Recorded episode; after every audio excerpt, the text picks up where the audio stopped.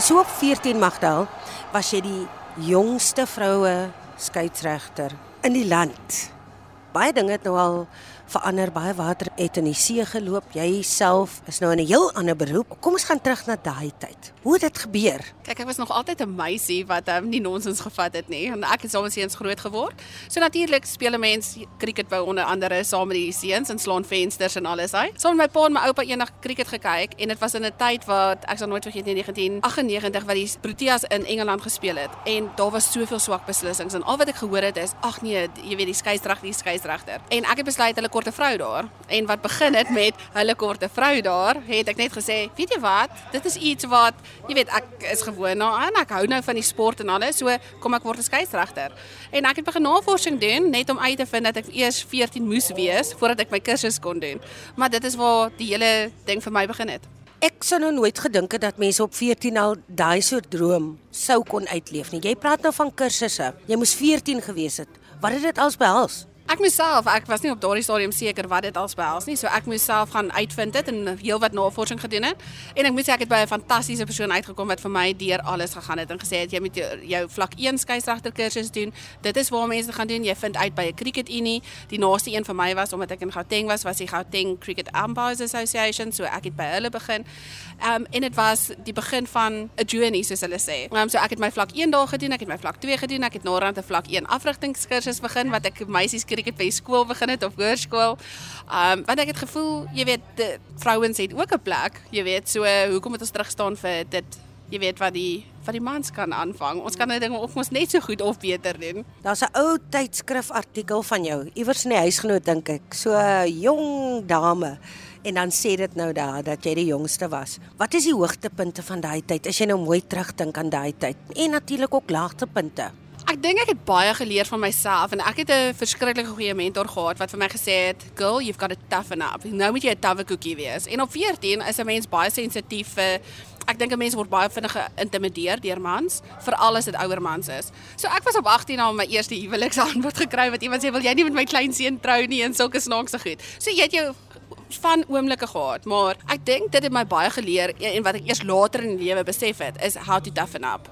Nee, dit het my regtig, um jy weet, in moeilike situasies met moeilike mense het ek destyds al geleer hoe om daarmee te werk en ek dink 'n mens dit het jou forceer om vinnig groot te word. So dit wat ouens weet wat my ouderdom was besluit het ek 'n waar party ons Vrydag aand. Jy weet en hoe geslyp ons uit, jy weet uit die huis uit Saterdag aand om hier te gaan kuier. Ek het dit nie gehad nie, want ek was gefokus om liewer, jy weet, daai roete te volg. So ek was nie in daai groepsdruk eh, gewoond nie en ek was meer gewoond wat gebeur op 'n sportveld wat jou regtig baie vinnig glad groot word het. So en dit het my baie gehelp. Ek kan vir jou wel sê dis nie soveel hoogte as laagtepunte nie, maar gaan vir jou vinnige storie vertel wat baie interessant was want my most embarrassing moment was ek het die blinde cricket um ge-umpire en daar was 'n speler wat hopeloos te gladde weg was. En almal raak dan so 'n bietjie, jy weet, hy weer kan hierdie persoon nou net ophou, maar hy word geran uit in die term met omtrent 'n meter en hy stry met my, maar sy bat was agter die lyn. En op 'n stadium het ek genoeg en ek sê vir hom, volgende keer as jy hardloop moet jy dalk net kyk waar jy hardloop. Dit was hands down jy weet die ergste oomblik van my lewe wat ek daar gehad het, maar dit was so min, dit was net 'n oomblik, maar dit was so 'n oomblik se stilte en toe begin almal lag. En ek het net besef, jy weet, baie keer moet 'n mens verantwoordelik wat vir dit wat jy sê, en 'n mens moet dink aan die konteks. Um maar dit was 'n interessante oomblik en is iets wat nou nog as ek 'n staaltjie moet hê van daai dae, is dit nie altyd iets wat 'n mens wil onthou nie, maar dis die een wat bybly.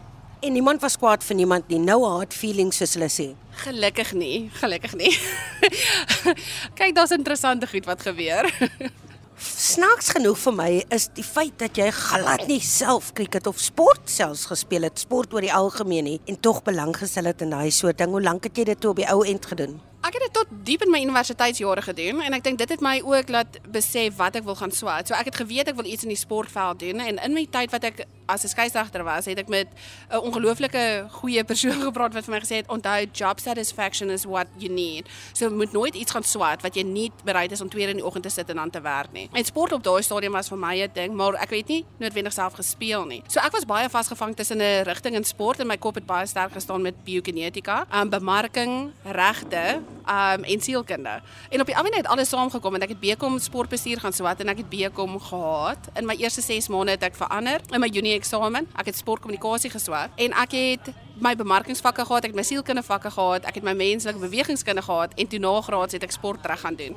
En ewe skielik toe kom al vier baie verskillende rigtings saam en ek het dit nie dadelik gebruik nie, maar jare later was ek 'n geleentheid gegee om baie van die sosiale media, bemarking, PR te doen vir onder andere die Lions se cricketspan en Cricket Suid-Afrika met van hulle kompetisies en dan natuurlik die Pinkdag wat 'n baie spesiale 'n hoogtepunt in my lewe was wat die bewusmaking vir borskanker was. Nou as jy cricket kyk, kyk jy met daai spesifieke umpire oog. Jy weet as jy altyd 'n skeieregter in jou wese. Ek dink so baie dinge het verander. Ek dink nou gaan dit vir my absoluut net oor die spel. Dis lekker om jy weet te kan kyk, maar natuurlik is daar goed wat oomblikke is en dan dink jy, was dit die regte besluit? Jy weet ek dink is altyd in 'n mens.